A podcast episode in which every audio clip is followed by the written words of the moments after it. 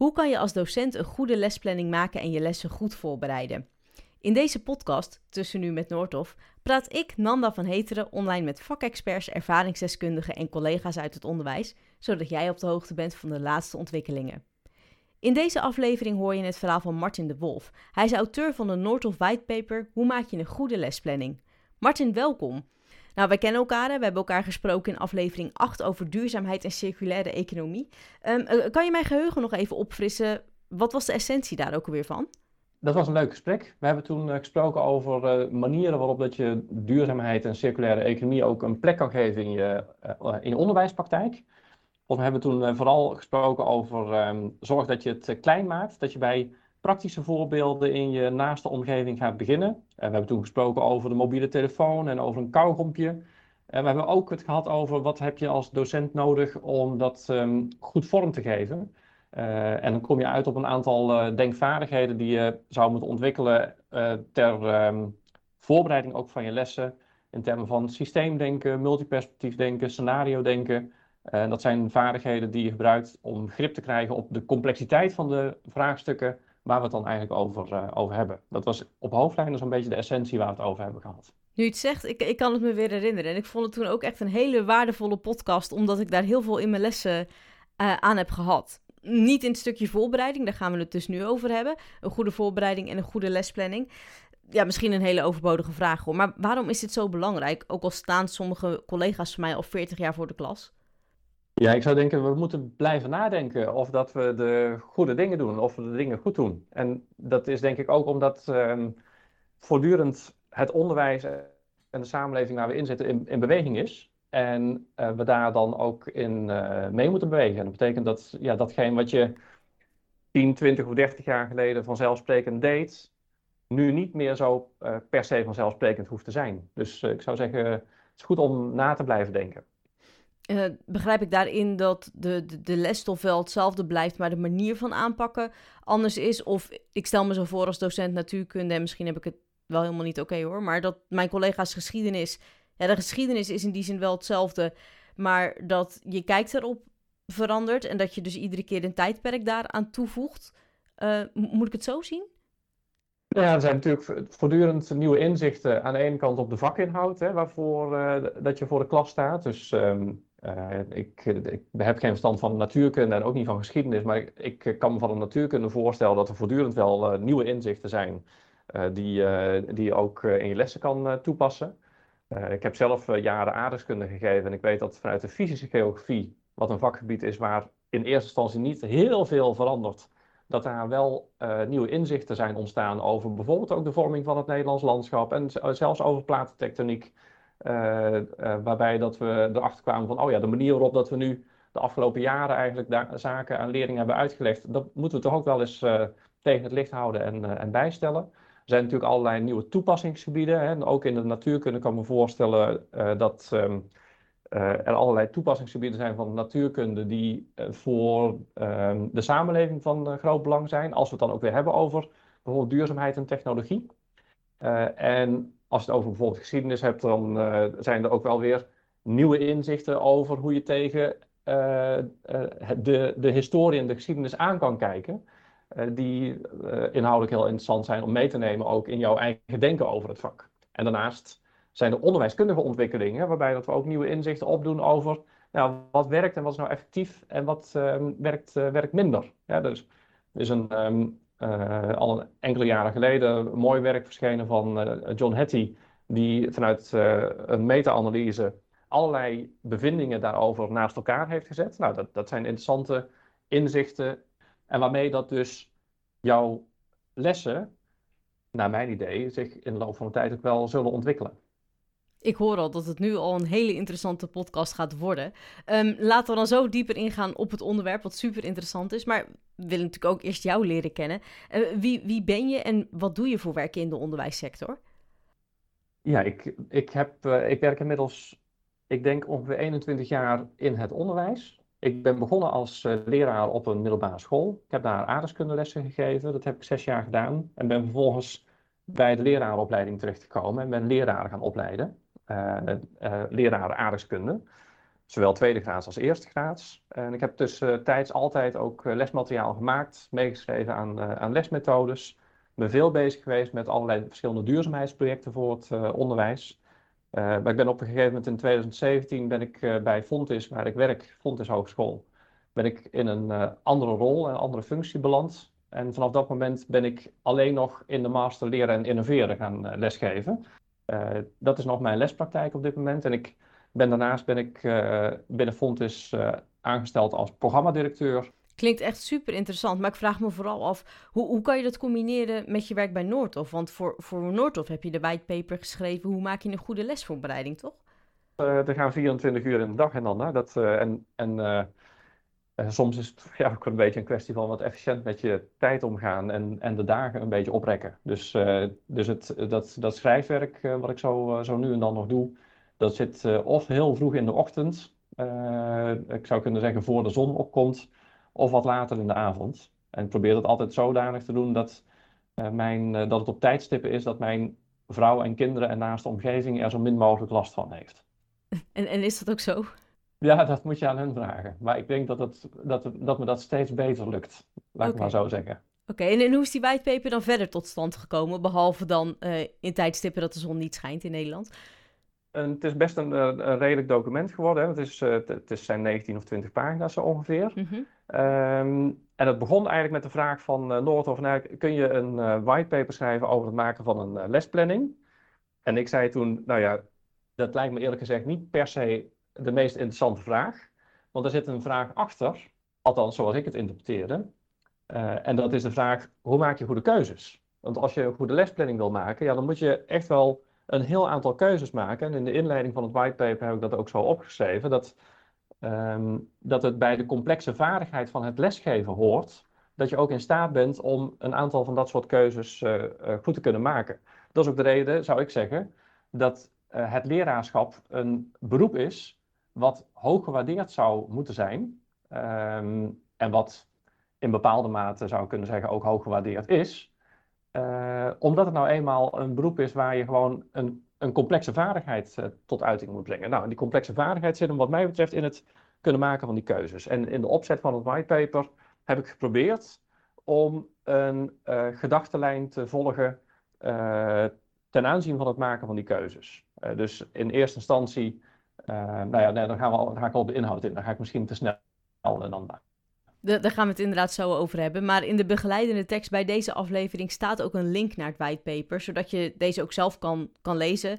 Maar uiteraard, de inhoud gaan we hier natuurlijk nu uitvoerig in deze podcast bespreken. We, hebben het net eigenlijk al heel kort slash uitgebreid gehad over een goede lesplanning en een goede lesvoorbereiding. Maar um, hoe maak je dat nou, een goede lesplanning en een goede lesvoorbereiding voor jouw studenten? in de kern is het denk ik de belangrijkste vraag, wat wil je bereiken? En dat laat je tot uitdrukking komen in een, uh, in een doel. Um, en vervolgens is het kunst om daar dan ook de goede inhouden bij te bedenken, om vervolgens ook passende werkvormen erbij te bedenken. Dat je de hele onderwijs-leeromgeving op een goede manier inricht en dat uiteindelijk uh, je daar ook een uh, passende toetsvorm bij weten bedenken. Dat, dat zijn denk ik de belangrijkste zaken waar je over na zou moeten denken. Um, en een goed scherp doel is daar wel heel helpend in. Mm, dan stel ik mij zo voor, in, in het geval van mijn natuurkundelessen, dat dat bij het ene hoofdstuk echt wel anders is dan bij het andere hoofdstuk. Uh, en niet alleen het doel en ook vooral de uitwerking daarin. Ook al zit natuurlijk altijd in iedere les wel afwisseling en uh, practica, opdrachten, theorie en, en, en dat soort dingen. Uh, ja, maar je kunt natuurlijk in, in, het, in, in het... Ik ga er even op in, Nanda. Ja, graag. Ja, want je kunt natuurlijk uh, op het moment dat je... Want we werken natuurlijk uh, voor een groot deel met de lesmethodes ook die, um, die je als school hebt gekozen. En die lesmethodes die zijn heel helpend ook in het structureren van je lessen. En, en die kun je voor een belangrijk deel volgen. Maar het kan natuurlijk best zijn dat er bepaalde onderwerpen in zitten die zich ook wel wat meer lenen om ofwel op actualiteit in te gaan, uh, of om um, uh, misschien de omgeving van de school daarbij te betrekken, of om um, uh, juist ook andersoortige doelstellingen naar voren te halen. Um, op het moment dat je, en ik, ik, kom uit het aardrijkskundeonderwijs natuurlijk, hè, dat is, dat is een, het vakgebied wat ik het, beste ken.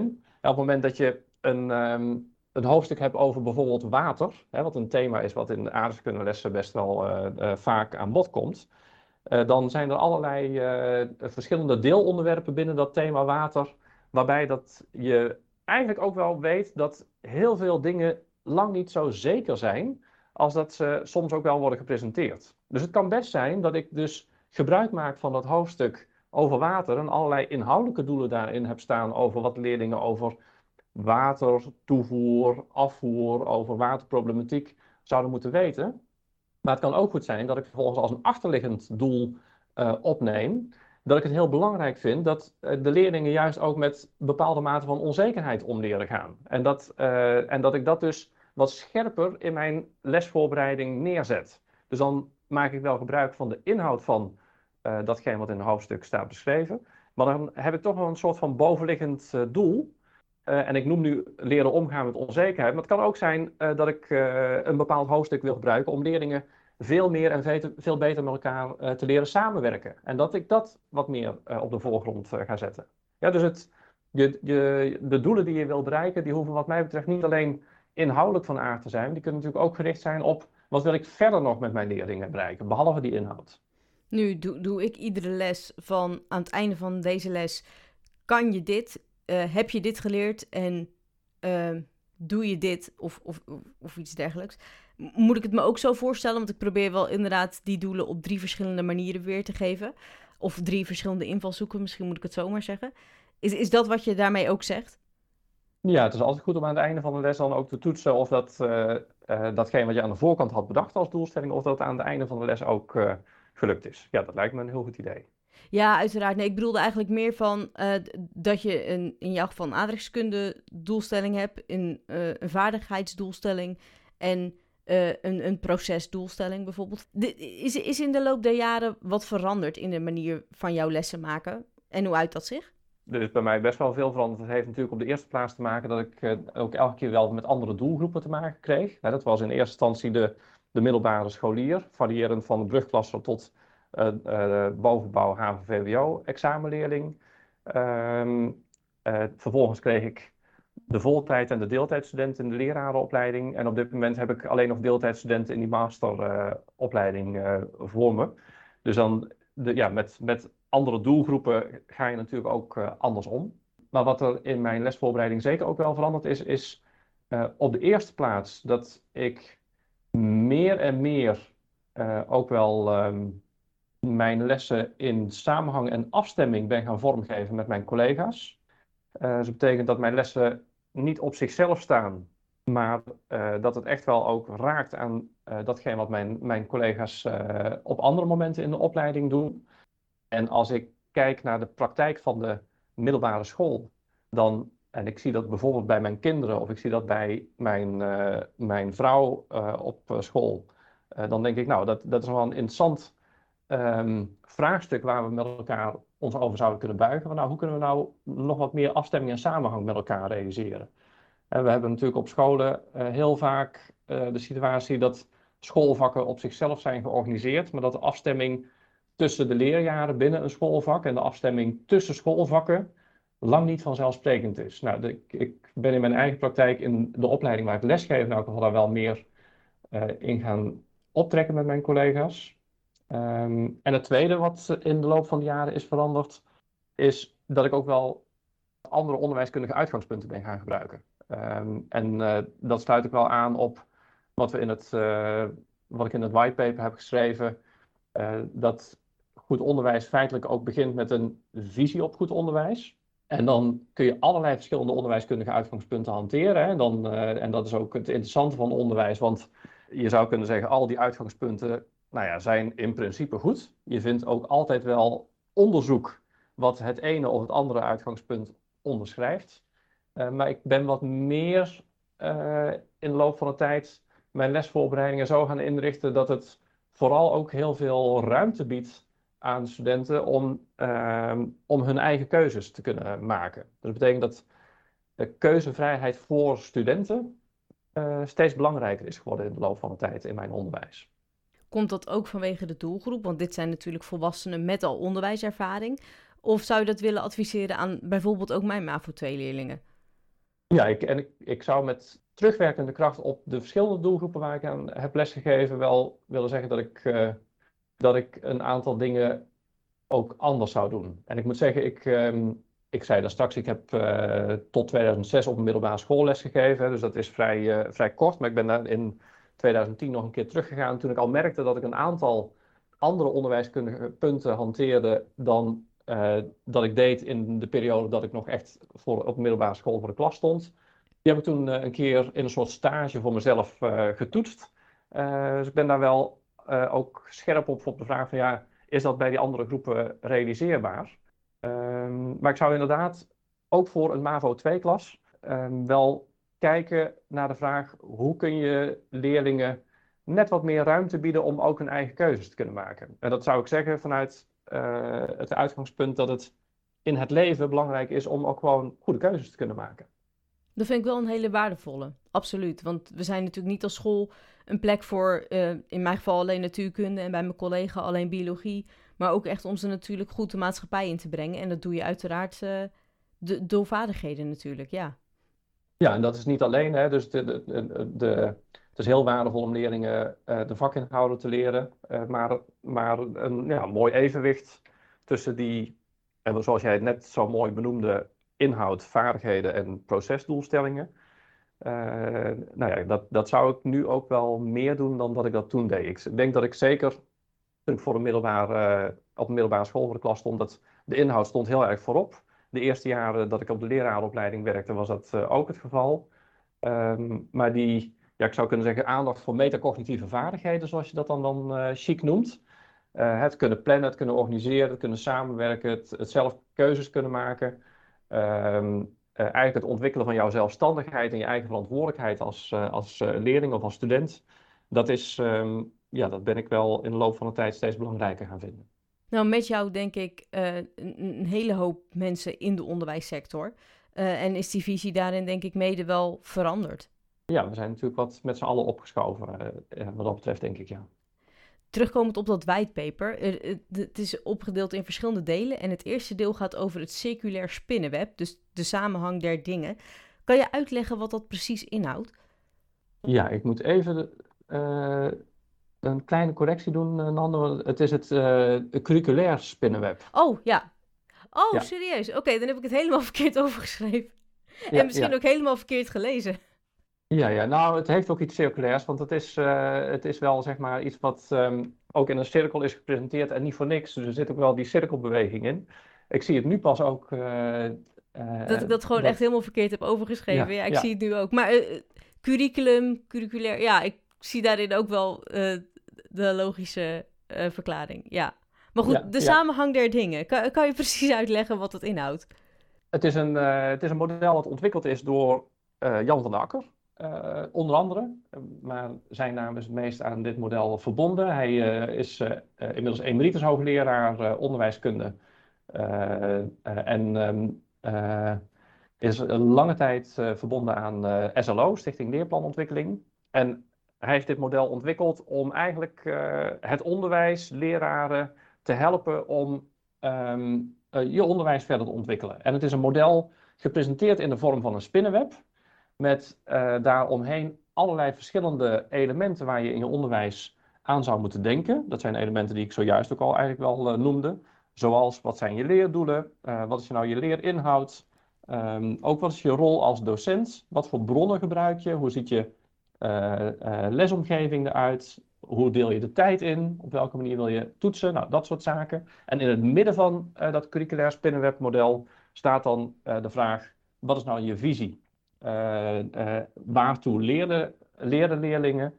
Uh, en, en het idee is dat die visie ook in alle opzichten sturend is voor de keuzes die je in al die andere elementen van dat spinnenwebmodel maakt. En het mooie is van de vorm die gekozen is van het model in de vorm van een spinnenweb, dat je weet dat op het moment dat je aan het ene touwtje trekt, dat het hele spinnenweb in beweging komt en dat alle andere elementen ook iets zullen gaan bewegen. He, dus wat we zien in de praktijk is dat natuurlijk op veel scholen ervoor gekozen is om het rooster te veranderen, om een andere indeling te maken van het rooster, met bijvoorbeeld 80 minuten planning of met uh, grotere lesblokken. En nou ja, op best wel een aantal scholen, zou ik kunnen zeggen, is dat ingevoerd zonder dat eigenlijk goed naar dat hele curriculair spinnenwebmodel is gekeken. Want op het moment dat je aan dat touwtje van de tijd trekt en je gaat het rooster aanpassen, dan heeft dat ook impact op nou ja, de manier waarop dat je leerdoelen kan, wat, voor, hè, wat de omvang van de leerdoelen is die je kan, kan realiseren.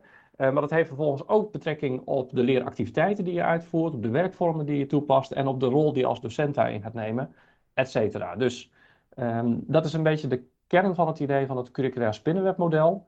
Het gaat over de belangrijkste onderwerpen waar je in je lespraktijk, in het curriculum over moet nadenken, gestuurd vanuit visie, met het idee dat alles met elkaar samenhangt. En hoe, en pas je dat dan toe in je eigen onderwijspraktijk? Want uh, net zoals het 75 minuten rooster bij mij op school, ja, dat is gewoon geïntroduceerd en daar had ik in die zin geen invloed op.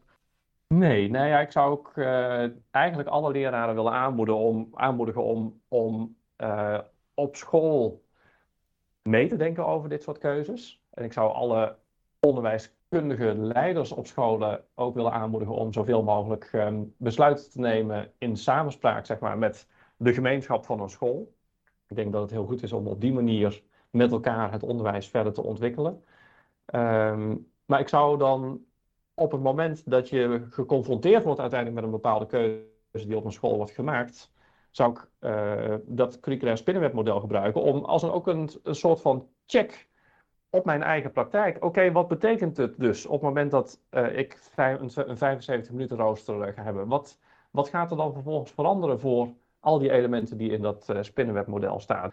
En om daar vervolgens ook het gesprek over te voeren met mijn collega's. Hoe doe jij dat dan vervolgens? En nou, dat curriculair spinnenwebmodel geeft je een handvat om dan te bedenken waar kunnen we het met elkaar over hebben terugkomend op in mijn geval dat 75 minuten rooster bij mij op school. Um, ik moet heel eerlijk zeggen, ik weet niet hoe dat geïntroduceerd was. Hoor, want ik kwam in de tijd dat dat geïntroduceerd ging worden slash net was. Uh, los had dat uiteraard van mij te maken. Um, maar ik kan me zo voorstellen dat op het moment dat dit besproken wordt uh, binnen de school en dit overlegd wordt, want zo is mijn school echt wel. Um, dat, dat we dan met z'n allen gaan kijken naar de voor- en de nadelen en daarin goede keuzes maken waarvan wij denken van uh, dit hebben onze leerlingen nodig en zo kunnen wij goed onderwijs leveren. Maar dat, dat mijn collega's bijvoorbeeld misschien helemaal niet nadenken in eerste instantie of het niet kunnen overzien doordat ze daar geen ervaring nog in hebben over wat de consequentie is van die keuze. Want sommige vakken hadden bijvoorbeeld een kwartier minder per week. En dan kan je zeggen, nou, 15 minuten valt misschien wel mee. Maar op jaarbasis valt dat natuurlijk niet mee. En dan moet je echt wel opnieuw de puzzel gaan leggen van... wat wil ik nou eigenlijk behandelen in dit jaar? En in deze week en in deze les, uh, enzovoort, enzovoort. Toch? Ja, ja dan, dan uh, ik denk op de eerste plaats is het heel belangrijk dat op het moment dat je zo'n keuze maakt, dat je met elkaar helder hebt op basis van welke visie dat je dat doet. Hè, dat is ook um, wat, in, wat ik in het whitepaper na dat curriculair spinnenwebmodel probeer helder neer te zetten. goed onderwijs begint met een heldere visie ook op goed onderwijs. En de Onderwijsraad heeft ooit eens een mooie publicatie geschreven over het kwaliteitscultuur. En ze schrijven daarin dat een goede kwaliteitscultuur gekenmerkt wordt door ook een gedeelde en gedragen visie op goed onderwijs. Dat betekent dat op het moment dat je als schoolleiding een keuze maakt om bijvoorbeeld zo'n 75 minuten rooster in te voeren, dat uh, wat mij betreft helder zou moeten zijn, waarom wil je dat doen? Wat wil je daarmee bereiken? Wat, wat is je visie daarachter? En dat die visie dus ook uh, gedeeld en gedragen is. En nou ja, op het moment dat je dat te veel, zeg maar, geïsoleerd vanuit schoolleiding besluit, dan loop je denk ik risico dat uh, als dat dus niet zo gedeeld en gedragen is, dat de uitvoering ervan uh, te wensen overlaat. En dan is vervolgens inderdaad wel de vraag, kan iedereen ook overzien wat de consequenties zijn? Um, ik denk dat, dat daarbij wel ook uh, dat curriculair spinnenwebmodel dan juist weer helpend kan zijn. Omdat het je helpt een aantal vragen te stellen waarmee het ook gaat over die consequenties. En, en in die zin uh, ja, zou, het, zou je het ook kunnen zien als een soort van reflectieinstrument op uh, onderwijsontwikkelingen. Nou, wat je, wat je net ook zei, inderdaad, eerder, eerder in deze aflevering, dat het een soort van checklist is van hè, als je aan het ene touwtje trekt, uh, wat, wat er dan allemaal op welke vakken nog meer, of welk, welk is nog meer iets gebeurt. Dat, dat zie ik hier zeker in terug. Ja, absoluut. Ja. ja. Nou ja, en, en als je dus geconfronteerd wordt met een kwartier minder tijd per week, dat is ja, ja, vanuit je schoolvak bekeken natuurlijk naar als dat, als dat aan de orde is. Want je wil natuurlijk je schoolvak op een mooie, goede manier positioneren. Maar dan, en dan kun je daar op verschillende manieren naar kijken. dan kun je kijken van hoe kunnen we toch de totale lesstof die we altijd aanboden, daar toch in proppen, zou ik dan het ook zo noemen. Maar je kunt ook denken van, nou ja, dan hebben we dus ook vervolgens een aantal inhoudelijke keuzes te maken. En, die, en dan kan het zijn dat je een conclusie moet trekken van, ja, kill your darlings, bij wijze van spreken. En hoe kan ik ervoor zorgen dat ik, misschien ook wel in afstemming en samenhang met collega's, een aantal andere zaken toch nog wel uh, geborgd kan houden binnen het hele schoolcurriculum. Misschien niet meer in jouw eigen schoolvak, maar wel op andere plekken. Uh, zeg je daarbij, terugkomend op het volgende punt in het whitepaper, een, visie op goed onderwijs, beter de kwaliteit voorop dan de kwantiteit? Zeker te weten. Ja, ja, ja. ja. Wat dat betreft hebben we in Nederland ook alle ruimte, uh, zeker in de onderbouw van het voortgezet onderwijs, ook in het basisonderwijs en in beperkte mate ook of in beperkte mate, in bepaalde mate ook in de bovenbouw van het, uh, van het voortgezet onderwijs. Uh, we hebben best veel ruimte om eigen keuzes te maken. We hebben te maken met, met kerndoelen. Ja, die worden op dit moment herzien. Dat, dat is een proces wat al enige tijd gaande is. We hebben nog steeds te maken met kerndoelen die al best een tijd geleden opgeschreven zijn. Die eigenlijk een hele summiere beschrijving geven van wat er in het onderwijs zou moeten gebeuren. Nou, daar kun je op allerlei manieren invulling aan geven. ik zou ook zeggen, de lesmethode is dan absoluut niet heilig. Dus je hebt heel veel ruimte om ook zelf na te denken. Wat vind ik belangrijk om te, uh, om te doen? En ook in de bovenbouw van het voortgezet onderwijs, of dat nou VMBO, HAVO of VWO is, uh, heb je je eindexamenprogramma. En een beperkt deel daarvan komt terug bij het uh, landelijk centraal examen. Ehm, maar alles wat voor het schoolexamen beschreven is, ook daar zit best veel ruimte om er een eigen invulling en eigen interpretatie ook aan te geven. Met andere woorden, dus kwaliteit staat voorop en niet de kwantiteit. Oké, okay, duidelijk. Maar je zei ook net eerder over uh, overleggen met collega's. Maar het kan natuurlijk wel zo zijn dat uh, we beide de visie hebben op goed onderwijs. Maar dat qua onze karakters en onze manier van lesgeven de weg daar naartoe anders is. Dus, dus hoe kan je die visie dan goed neerzetten met het oog op goed onderwijs te behouden, maar wel je eigen draai te geven aan de lessen bijvoorbeeld?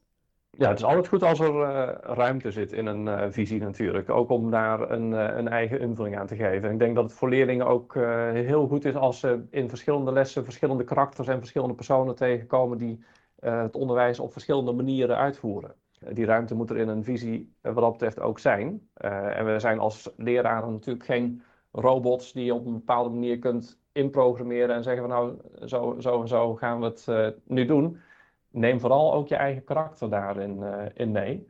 Maar op het moment dat je als school met elkaar voor een bepaalde visie op goed onderwijs staat, uh, dan is het wel mooi natuurlijk om met elkaar ook te kijken van nou, hoe gaan we dat dan ook werkelijk in de praktijk uh, brengen. Maar ja, ik, ik zou scholen ook wel willen aanmoedigen om met elkaar daar de tijd voor te nemen, om met elkaar het gesprek te voeren over wat betekent dat nou als wij deze visie met elkaar hanteren. Op het moment dat we uh, het belangrijk vinden dat we leerlingen ook uh, keuzevrijheid willen bieden. Op welke manier laten we dat in de praktijk tot uitdrukking komen? En volgens mij moet je daar dan met elkaar ook het goede gesprek over voeren. Uh, een uitwisseling organiseren in hoe de een en hoe de ander dat doet. En op die manier met elkaar, je zou kunnen zeggen via een kritische dialoog, als ik het zo netjes zou noemen, zorgen dat je met elkaar daarin groeit en jezelf ook ontwikkelt. Ja, dus hoe krijgen we nou met z'n allen alle neuzen dezelfde kant op? Dat is punt 1. Uh, eh, wat is ons beeld bij die visie van goed onderwijs? En waar zit voor ons nog uh, de ruimte in hoe we dat op onze eigen manier kunnen invullen? Dat is eigenlijk wat ik je hoor zeggen, toch? Ja, ja dus volgens mij uh, het goede gesprek wat, wat je op, op school met elkaar zou moeten voeren. Oké, goed om te horen. Ja. Misschien kunnen we dan ook het derde punt van de whitepaper in dat goede gesprek meenemen. Want dan gaan we natuurlijk ook een stukje hebben over de visie op goed onderwijs. Komt natuurlijk ook wel vakinhoudelijk en vakdidactische keuzes, uh, denk ik, naar voren. Uh, kan je omschrijven wat hierover in dat whitepaper staat? Ja, bij de vakinhoudelijke en vakdidactische keuzes ben ik eigenlijk uitgegaan van um, model dat uh, heet uh, de, het, um, of de theorie van de pedagogical content knowledge. Dat is een theorie die al lange tijd in de jaren 80 bedacht en beschreven is door um, Lee Schulman. En die zegt eigenlijk van ja, op het moment dat je vakinhoudelijke en vakdidactische keuzes moet maken, dan moet je ook nadenken over wat nou de kern is van datgene wat je belangrijk vindt, dat leerlingen over een bepaald onderwerp leren.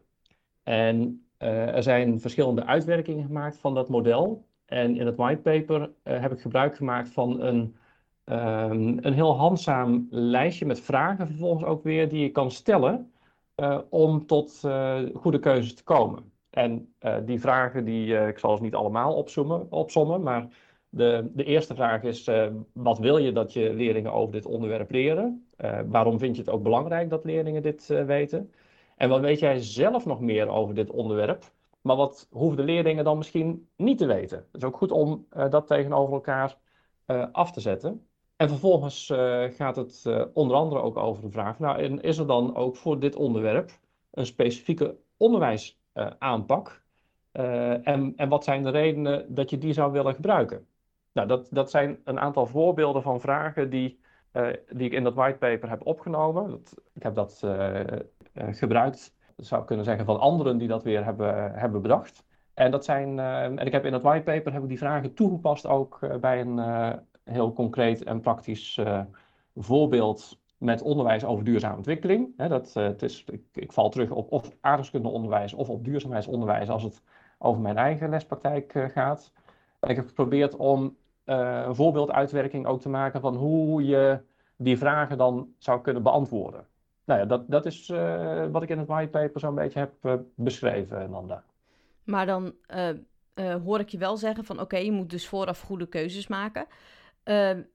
met een aantal argumenten, het zij voor jezelf of binnen je vakgroep of binnen de school. Maar hoe pas je die keuzes dan goed toe in je lessen? Daar heb je dus weer een mate van vrijheid in, begrijp ik? Ja, ja, het zijn altijd. ja, kijk, je zou kunnen zeggen, ik, ik denk hier niet over na. Daar hebben auteurs van een lesmethode over nagedacht. En ik kan dan vervolgens uh, volgen wat zij in de lesmethode hebben geschreven. Ik zou iedereen willen aanmoedigen om daar dan vervolgens wel kritisch naar te kijken en over na te denken. Vanuit het idee, je hebt je eigen specifieke doelgroep voor je neus, je hebt je eigen specifieke school waar je werkt, die staat in een specifieke omgeving, ook met zijn eigen actualiteit. En al die factoren dragen ertoe bij dat uh, het onderwijs in Delfzijl anders is dan het onderwijs in Roosendaal. Uh, en dat je daar op bepaalde specifieke inhouden andere keuzes in kan, uh, kan maken. Nou ja, en dan, dan is dat lijstje wat voortvloeit zeg maar, uit die pedagogical content knowledge. met die vragen, die kunnen heel helpend zijn om nog eens kritisch tegen het licht te houden. Nou, wat voor keuzes maak ik? En dat kan zijn Ofwel omdat je ook uh, ziet dat de inhoud van een bepaald hoofdstuk uh, veel te omvangrijk is. En dat je denkt, ja, maar dit ga ik allemaal niet, uh, niet redden in de tijd. Als je dan dus keuzes moet maken, wat doe je wel en wat doe je niet? Daar kunnen die vragen bij helpen. Het kan ook zijn dat je zegt, ik heb wat tijd over en ik wil juist aanvullend op een lesmethode, of misschien vervangend voor de lesmethode, eigen lesmateriaal ontwikkelen. ja, dan zul je zeker een aantal eigen vakinhoudelijke en vakdidactische keuzes moeten maken. En ook dan helpen die vragen om uh, nou, tot um, goede afwegingen te komen. dus even resume. Uh, je kan uiteraard gewoon de boeken gebruiken, want die zijn vakinhoudelijk en vakdidactisch goed. Maar je moet de keuze maken om te specificeren naar jouw eigen doelgroep, begrijp ik. Ja, ja. Oké. Okay. Nou, tot slot in dat whitepaper gaat het over leerlingen motiveren met die juiste keuzes. Waarom is het zo belangrijk om die keuzes helemaal uh, te verantwoorden? De, ik weet niet of je ze altijd moet verantwoorden. Hè. het is, ik, ik, zou, ik, zou, uh, ik denk dat het niet uh, wenselijk wordt geacht om voor iedere les, bij wijze van spreken, alles helemaal uit te schrijven en alle keuzes die je maakt uh, te verantwoorden. Tegelijkertijd denk ik, ik zei het in het begin van het gesprek ook al, we hebben als um, leraar een beroep wat je mag beschouwen als een beroep wat hoog gewaardeerd mag worden. Mm -hmm. vanwege het feit dat we werken aan een complexe vaardigheid, namelijk het lesgeven. Dat is zeker belangrijk omdat het gewoon gaat over jonge mensen die je tot ontwikkeling en tot, uh, tot bloei wil brengen. En ik denk dat we dan ook goed over moeten nadenken hoe dat we dat met, uh, met uh, de jonge mensen doen. En een van de aspecten waar je dan naast de visie op goed onderwijs en de vakinhoudelijke en vakdidactische keuzes over kan nadenken, is de vraag, ja, en hoe ga je je leerlingen ook motiveren met de juiste keuzes? En in het whitepaper gebruik gemaakt van een model van um, ene meneer Keller.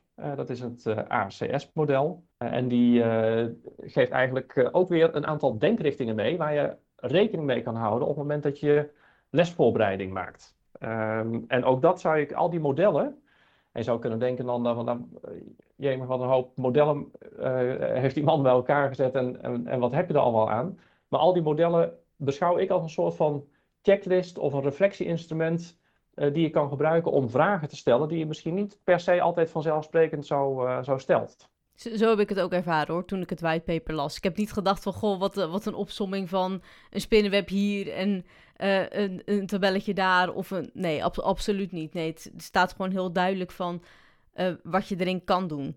Met erin ook nog dat je dat heel goed voor je eigen onderwijspraktijk helder kan maken. En zelf de vrijheid hebt om heel veel keuzes daarin te maken die in mijn ogen allemaal goed zijn. En, en hoe je dit aanpakt tijdens je lessen. En, en dat laatste, dat vind ik dan ook wel even uh, fijn om, om even aan je voor te leggen. Want oké, ik snap dat je niet iedere didactische of vakinhoudelijke keuze op de punten en de komma uh, nauwkeurig hoeft te verantwoorden aan je leerlingen. Um, maar het is misschien wel handig om ze juist mee te nemen in sommige keuzes die je hebt gemaakt. Uh, hoe, hoe zou je dit aanpakken in je lessen? Nou ja, dat, dat, uh, ja, in mijn rol als lerarenopleider was het altijd sowieso wel belangrijk om uh, uh, ook, um, en ik zal niet zeggen dat ik er altijd goed in ben geslaagd, maar um, we hadden als opleiding aardeskunde altijd wel het uitgangspunt van de, didactische keuzes die we maken, die moeten we op een of andere manier ook wel kunnen verantwoorden natuurlijk richting onze doelgroep leraren in opleiding. maar ook in de situatie van, van de middelbare school denk ik dat het uh, heel prettig is voor leerlingen om soms ook wat meer te horen over waarom dat je uh, iets op een bepaalde manier aanpakt. Ja, om ze daar simpelweg in mee te nemen. Om uh, op die manier te betrekken bij de, bij de keuzes die je, die je maakt. En wat jij zegt, dat hoeft niet op elke punt en komma.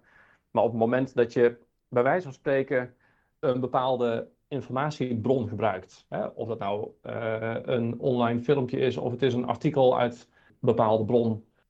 En dat wordt een vertrekpunt van jouw onderwijs, waarbij dat je bijvoorbeeld van tevoren al weet dat het bij de leerlingen een bepaalde mate van verwarring of een bepaalde emotie kan oproepen. Ja, dan denk ik dat het heel goed is om daar van tevoren ook al even aandacht voor te hebben. Van, nou, jongens, luister, uh, wat ik zo meteen ga laten zien, dat, uh, dat zal je misschien op de een of andere manier kunnen raken. Of daar, daar zul je misschien even wat van in de war kunnen raken. Maar dat is precies mijn bedoeling. Want van daaruit gaan wij met elkaar kijken naar hoe zit dit nou eigenlijk precies? En, en we kunnen aan de hand van die verwarring met elkaar hele goede vragen gaan stellen. Dus dat, laten we dat dan zo meteen ook gaan doen.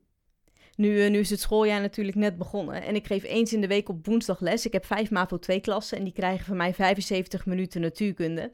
En in het begin van de eerste les heb ik met hen uh, al mijn lesvoorbereidingen, ja, exclusief de toetsen, want die heb ik uiteraard met mijn collega's gedeeld.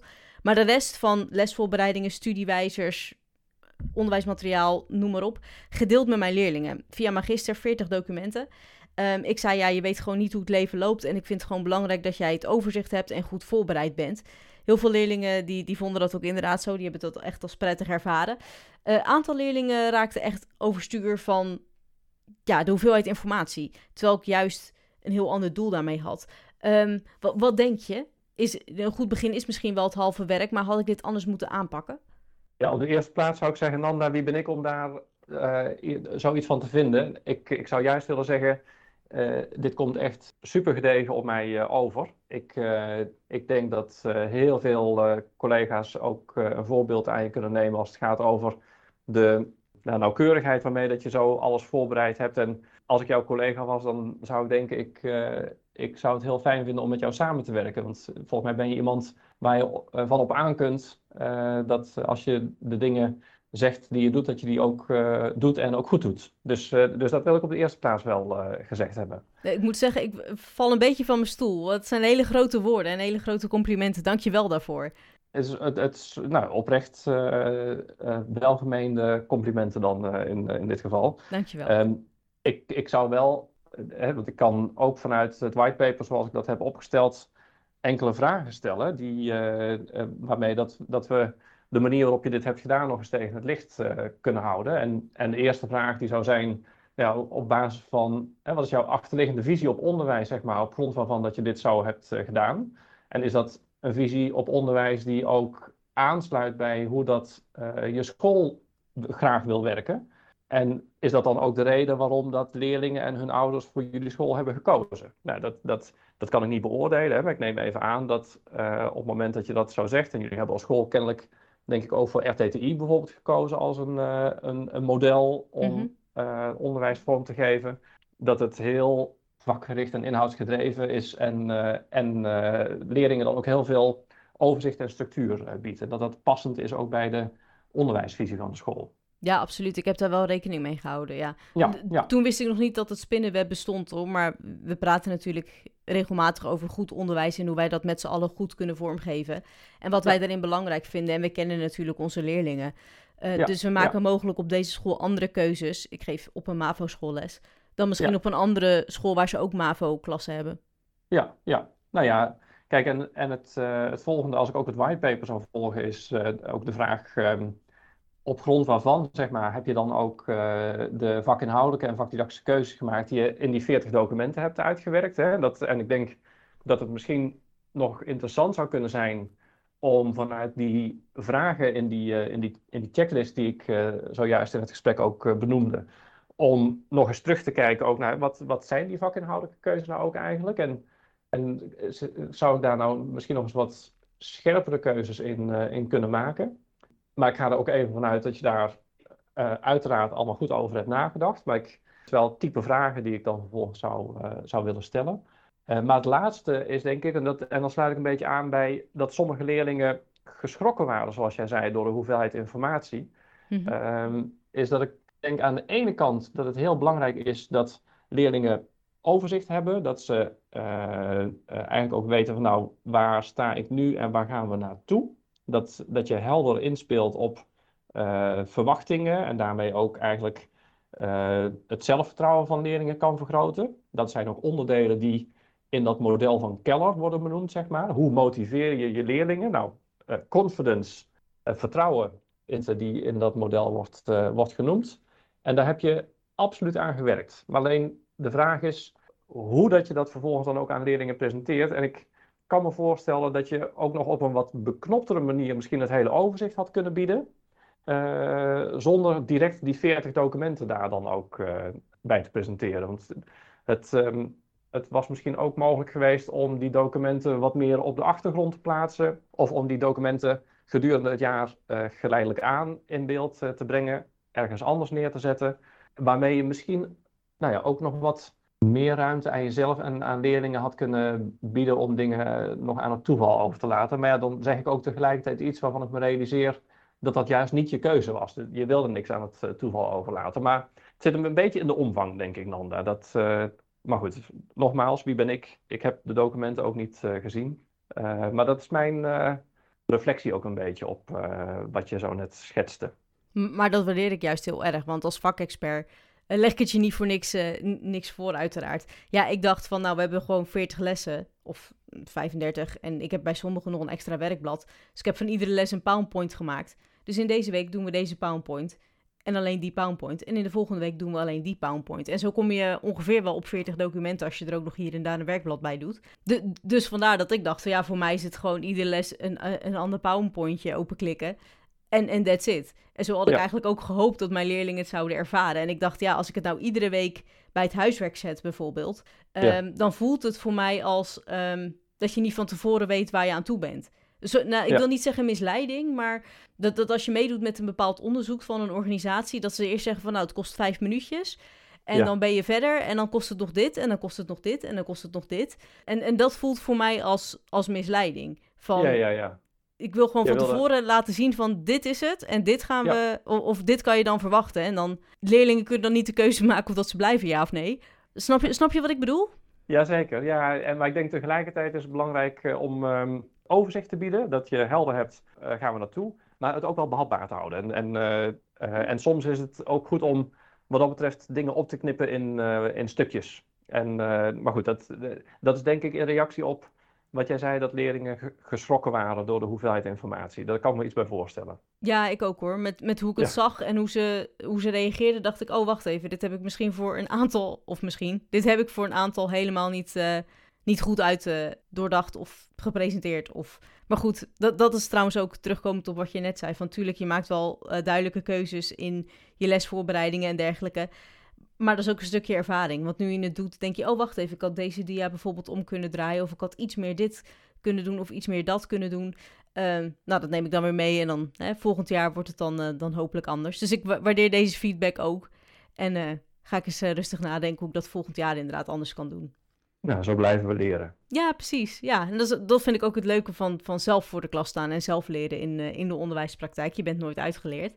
En de, deze podcast waar ik trouwens ook veel van heb geleerd, die begon met de vraag van hoe kan je als docent een goede lesplanning maken en je lessen goed voorbereiden. We hebben het er natuurlijk wel over gehad, maar mijn vraag is hoe doe je dat? Samenvattend zou ik zeggen, uh, denk in eerste instantie altijd na over de vraag, wat vind ik belangrijk? Wat wil ik nou in mijn onderwijs in algemene zin bereiken? Dat is eigenlijk je visie op goed onderwijs. Zorg ervoor dat dat niet alleen jouw eigen visie is, maar stem dat af met je collega's. Want je bent nou eenmaal een school en je werkt met elkaar samen. En uh, het kan zijn dat je afwijkende standpunten hebt, maar probeer elkaar daarin te vinden. En die visie op goed onderwijs, die is vervolgens uh, echt wel sturend voor allerlei vervolgkeuzes die je maakt. Dus, uh, en dan is de eerstvolgende vraag, welke doelen streef je dan vervolgens na? Zowel, zoals jij het dan netjes zei, inhoudelijk wat betreft vaardigheden of procesdoelen. en op basis daarvan merk je dat verder uit, waarbij dat je op een aantal punten natuurlijk nog uh, rekening kan houden met een aantal keuzes vervolgens weer. En die keuzes die kunnen vakinhoudelijk en vakdidactisch van aard zijn. Hoe breed of hoe smal je een onderwerp neerzetten? Welke onderwijskundige werkvormen pas je daar vervolgens bij toe? En heb je dan ook keuzes gemaakt die de leerlingen intrinsiek of extrinsiek kunnen motiveren? Nou, dat, dat zijn eigenlijk een aantal denkstappen die we misschien in het onderwijs natuurlijk ook allemaal heel logisch vinden om dat op die manier te doen. Aan de kern van mijn whitepaper heb ik geprobeerd om daar ook een aantal theoretische modellen aan te plakken die uh, vragen die je misschien niet altijd nog vanzelfsprekend stelt. Nou ja, dat, dat is wat ik geprobeerd heb om ook in dit gesprek zo met jou op een rijtje te zetten. Nu, nu is visie natuurlijk veel groter dan uh, wat je direct kan toepassen. Want wat je zegt, je moet dat ook overleggen met de school en met collega's en in gesprek blijven. Maar, maar heb je drie concrete tips die docenten direct in hun lessen kunnen toepassen om een goede les planning te maken en je les dus goed voor te bereiden? Ja, ik zou als, als concrete tips het volgende willen noemen. Op de eerste plaats zou ik denken, zorg dat je altijd bij elke les goede aandachtstrekkers hebt. En dat betekent dat, uh, en dat is ook het eerste wat in dat model van Keller wordt genoemd. Het gaat over aandacht, attention. En dat kun je op verschillende manieren doen. Dat kan door uh, te starten met uh, humor of emotie. Het kan zijn dat je hele concrete voorbeelden gebruikt uit de directe omgeving van de leerlingen. Het kan ook zijn dat je juist met opzet wat verwarring probeert te veroorzaken. verwarring is in zekere mate heel goed in een leerproces, omdat verwarring ervoor zorgt dat je een aantal vragen gaat stellen. en vragen leiden altijd vervolgens weer tot leren. Dus ik zou zeggen, concrete tip is denk na over de aandachtstrekkers uh, en probeer daar vervolgens ook in te variëren. Dat is dan tegelijkertijd ook tip 2. Uh, eh, dat is ook weer een, een tip die te maken heeft met motivatie van je leerlingen. Zeker denk ik ook bij jou, Nanda, met een 75 minuten lesrooster. Ja, dan, dan is het denk ik heel belangrijk dat er in die 75 minuten voldoende variatie zit voor de leerlingen om uh, met de een of de andere activiteit bezig te zijn. Ik zou het afraden om 75 minuten in te vullen met een, een introductie, vervolgens een lange rit zelfstandig werken en vervolgens een afronding. Ik zou echt proberen om bij wijze van spreken iedere, nou ja, ik zou misschien zelfs zeggen 10 à 20 minuten een andere werkvorm toe te passen waarbij dat de leerlingen voortdurend worden geprikkeld en aangezet om, om na te denken. Ja, is wel zo hoor. Dus een sleutelwoord zit, uh, zit absoluut, en ook bij mijn collega's, in, uh, in afwisseling. Absoluut. Ja, Moet ik er wel bij zeggen, als ze bijvoorbeeld bezig zijn met een praktische opdracht, Uh, dan zijn ze zo gefocust. Moet ik wel zeggen, die, die praktische opdracht bestaat dan uit een aantal onderdelen. Waarbij ze dus 10 of 20 minuten met een bepaald onderdeel bezig zijn. Maar ze kunnen ook echt wel die volle tijd goed zelfstandig werken of in groepjes.